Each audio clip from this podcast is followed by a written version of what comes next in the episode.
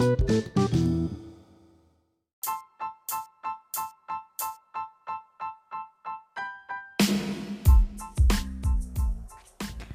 apa kabar? Terima kasih yang udah denger dan selamat datang buat yang baru denger. Sebelumnya gue mau ngasih tahu kalau gue nggak tahu kenapa nickname gue nggak bisa diganti. Padahal nicknamenya itu bukan itu, tapi ya sudahlah nggak penting. Sekarang gue pengen bahas tentang makanan dan masak dalam menjalani kehidupan ini, semua makhluk hidup memerlukan energi untuk beraktivitas. Kita sebagai manusia juga membutuhkan energi untuk beraktivitas sehari-hari kan? Nah, makan itu adalah salah satu cara kita untuk mendapatkan energi. Selain tidur juga sih. makan dan masak sangat erat kaitannya dengan um, kehidupan kita.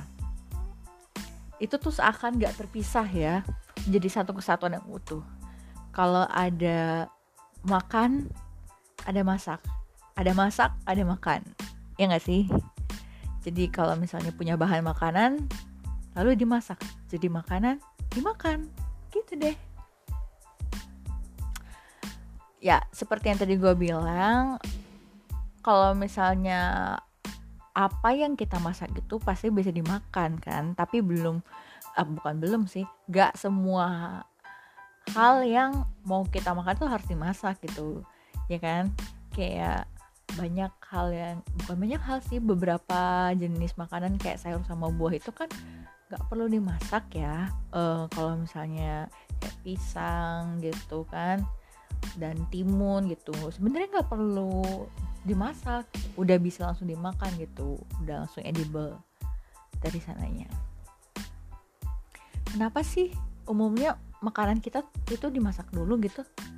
Ada yang pernah kepikiran gak sih kira-kira kenapa sih kalau kita makan tuh harus dimasak gitu?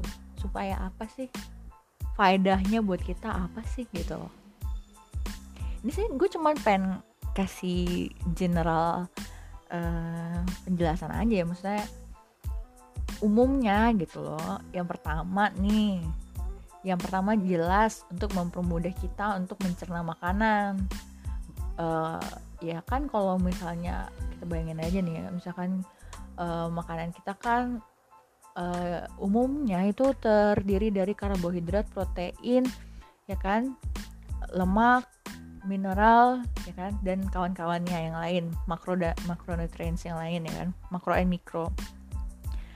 Karbohidrat kentang. Lo makan kentang mentah apa yang terjadi? Gila gue nggak bisa nggak bisa sih.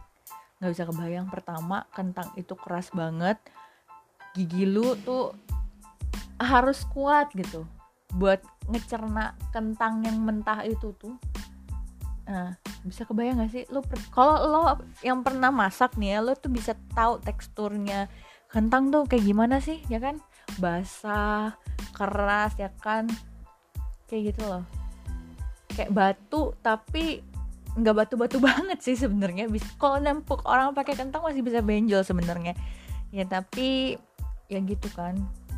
Kalau lo makan kentang mentah gitu atau enggak paling nggak gini deh lo kalau misalnya nyobain makanan gitu. Entah semur kentang ataupun sesuatu hal sop gitu yang kentangnya belum matang maksudnya nggak belum fully matang gitu 100% matang gitu. Rasanya gimana sih? Nggak enak kan ya? Rasanya nggak nyaman di mulut gitu kan. Kalau misalnya masaknya matang kan enak tuh lembut ya kan dikunyahnya juga enak nggak pakai effort yang banyak gitu loh. Jadi ya menghemat waktu juga. Kan nggak mungkin dong kita misalkan gara-gara cuma buat makan doang tuh kita butuh satu harian tuh cuman buat makan kunyah kunyah kunyah. Uh, kapan kita ngerjain yang lainnya cuman makan doang gitu loh. Yang kedua kenapa makanan tuh dimasak? Karena belum tentu semua hal itu bisa dikonsumsi secara mentah. Karena ada beberapa zat yang harus mengalami proses pemanasan dulu supaya dia menjadi lebih uh, apa ya meningkatkan nutrisinya gitu loh. Buat uh, dia tuh menjadi bisa dicerna bisa gampang dicerna gitu. Ya nggak gue sih sebenarnya memang nggak terlalu bisa menjelaskan kalian secara ilmiahnya seperti apa tapi penjelasan gue di awal ya. Pertama merubah tekstur kan dari yang mentah jadi matang otomatis sesuatu hal yang keras itu menjadi lembut ya kan? Ketika hal itu terjadi ya juga merubah gizinya gitu kan. Jadi um, lebih apa namanya hal yang tidak bergizi dibuang gitu loh hilang gitu kayak lo tuh nggak akan bisa gitu nggak boleh makan daun singkong atau singkong mentah. Kenapa? Karena di dalam singkong tuh ada sianidanya setahu gue tapi gue nggak tahu pasti sih sebenarnya tapi gue pernah tahu kalau misalnya di dalam singkong tuh ada sianidanya sedikit. Jadi kayak one day lo punya rencana. Ya jahat banget sih gue. Nggak skip skip intinya maksud gue ya seperti itu. Karena nggak semua hal bisa dikonsumsi secara mentah. Ya kan? Yang tadi gue bilang singkong lalu kacang-kacangan juga sebenarnya nggak bisa dikonsumsi secara mentah ya kan? Karena ya banyak uh, zat-zat mikro mikrobakteri atau ya gue nggak bisa jelasin secara detail sih sebenarnya. Tapi gue pernah tahu kayak kacang-kacangan itu tuh nggak bisa dikonsumsi secara mentah karena tidak baik buat kesehatan kita gitu. Oleh sebab itu makanya kita harus kita masak dulu gitu. Kita matengin apa pun caranya. Mau dipanggang kayak mau direbus mau dikukus kayak tetap harus melalui proses pemanasan terlebih dahulu. Bahkan beberapa jenis kacang-kacangan itu lebih baik apabila kalau kita fermentasi dulu. Salah satu contohnya nih uh, si kedelai. Karena gue waktu gue masih kuliah gue tuh pernah bikin esai. Kenapa tuh apa tentang fermentasi. Kenapa tuh uh, kalau kedelai itu harus difermentasi dulu. Karena si kedelai itu um, selain dia punya protein dia juga punya zat anti nutrien gitu. Di mana itu merugikan lo. Kalau lo konsumsi sebelum difermentasi. Tapi kalau lo ber lo mengkonsumsi itu kedelai setelah difermentasi itu bakalan menjadi zat yang nutrien. Karena yang sebelumnya anti nutrien setelah mengalami fermentasi jadi zat yang nutrien. Bingung nggak lo sama penjelasan gue? Sorry ya gue bukan dosen. Tapi memang gue bercita-cita sih one day. Semoga aja gue bisa jadi dosen gitu kan. Lalu um, ya kenapa fermentasi itu dibutuhkan gitu gitu loh. Yang tadi gue bilang pertama kenapa makanan tuh harus dimasak dulu? Karena merubah tekstur yang kedua untuk zat gizinya juga ya kan? Belum tentu di uh, aman dikonsumsi secara mentah. Yang ketiga sebenarnya gue nggak bikin sih di contekan gue nih nggak ada yang ketiganya. Cuman ya masak sama makan itu berevolusi gitu bersamaan bersama-sama gitu. Seiring dengan berkembangnya zaman. Contohnya nih zaman dulu sebelum teknik masak dikembangin tuh manusia kan cuman ya biasanya konsumsi makanannya tuh plain plain aja ya yang yang gampang gitu. Nggak ada variasinya gitu. Misalkan sebelum pisau ditemukan lah sebelum uh, alat ulekan ditemukan lah. Pokoknya intinya dari yang simple menjadi yang ribet ya kan dari misalkan lo waktu bayi cuman makan pisang doang dan lo sekarang makan pisang goreng keju gitu. Ya kan? Waktu kecil lo cuma bisa makan pisang. Biasa nggak digoreng gitu kan? Kenapa? Karena lo masih kecil ya kan? Yang kedua lo belum punya gigi. Yang ketiga lo belum bisa beli maksudnya jajan ataupun bikin ya kan seiring dengan bertumbuhnya lo jadi gede jadi dewasa lo bisa pilih sendiri kan makanan lo. Kayak gitu kan. Seiring dengan berkembangnya abad berkembangnya peradaban I mean ya berkembang juga uh, kebiasaan kita dalam mengkonsumsi makanan kan. Dengan cara masak-masak yang lebih aneh masak-masakan yang kekinian gitu kan. Banana nugget lah sekarang ada lah apalah ya kan orang zaman dulu makan pisang nggak diapain sih? Makan pisang biasa ya kan? Dulu gue belum kenal namanya milkshake ya. Tapi one day gue tuh ada aja ide gue waktu itu waktu gue masih kira-kira umur 7 atau 8 tahun ya gue itu ngeblender pisang dan susu. Terus gue diledekin dong sama bokap gue ngapain? Pisang udah lembek tuh masih di blender gitu kayak gue diketawain aja.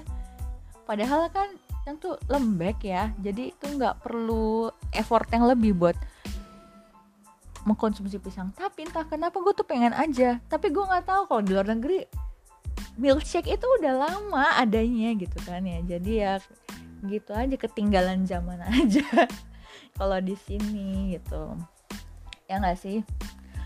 Yang tadi gue bilang itu kan jadi faktor uh, yang mempengaruhi adalah teknologi ya kan? Yang kayak tadi gue bilang.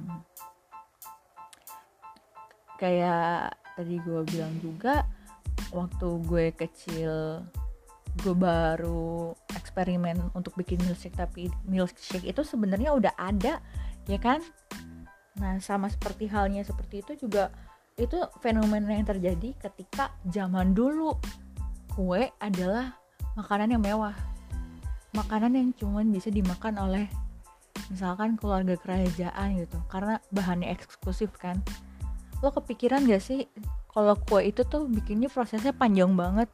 Kalau teliti membutuhkan durasi yang lama banget kalau bener-bener dari nol banget gitu. Let's say kita mulai dari menanam benih gandum ya. Yang paling absurd gitu loh.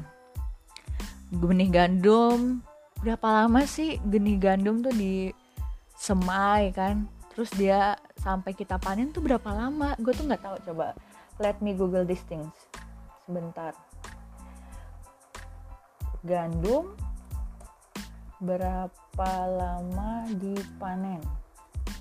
Hmm, gue googling dulu sebentar tuh 85 sampai 134 hari tuh.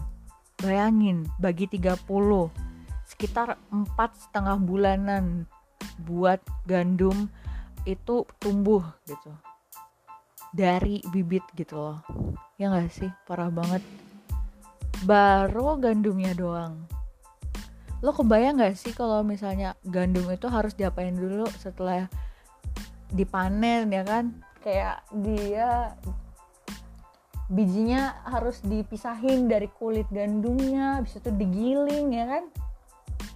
Itu tuh membutuhkan proses yang sangat panjang tau nggak? Untuk sampai ke kita gitu. Makanya zaman dulu kayak makan kue itu tuh cuma buat orang-orang yang high class doang gitu. Kayak buat uh, keluarga kerajaan dan sekelas sekelas mereka ya kayak bangsawan lah atau apa pun itu ya. Karena ya itu. Karena mengolahnya itu membutuhkan waktu dan teknologi yang cukup ribet. Ya kan? Terus mentega lo bayangin deh zamannya dulu belum ada substitusi sebelum ada substitusi margarin cuman ada mentega doang kan? Mentega itu kan terbuat dari susu sapi gimana cara bikin mentega lo harus kumpulin itu milk cap. Milk cap itu tuh misalnya kalau lo prah susu tuh uh, lemak lemaknya tuh bakalan numpuk di atas ya kan? Kalau lu bisa bayangin kan karena kalau lu bayangin air sama minyak itu kan pisah gitu. Sama halnya seperti itu uh, susu dan si milk cap ini kepala susu ini itu terpisah si milk cap atau kepala susu ini bakalan ngambang di atas dan itu yang dipakai bakalan jadi base-nya krim gitu setelah itu mereka mereka aduk-aduk gitulah semacam dikocok ataupun diaduk sampai mereka itu uh, berpisah antara air air susunya itu dengan lemaknya supaya jadi mentega. Oh bayangin itu kenapa orang yang bisa makan kue itu orang kaya doang zaman dulu orang kaya. Keluarga saja karena ya itu susah. Susah banget. Cuma buat bikin kue.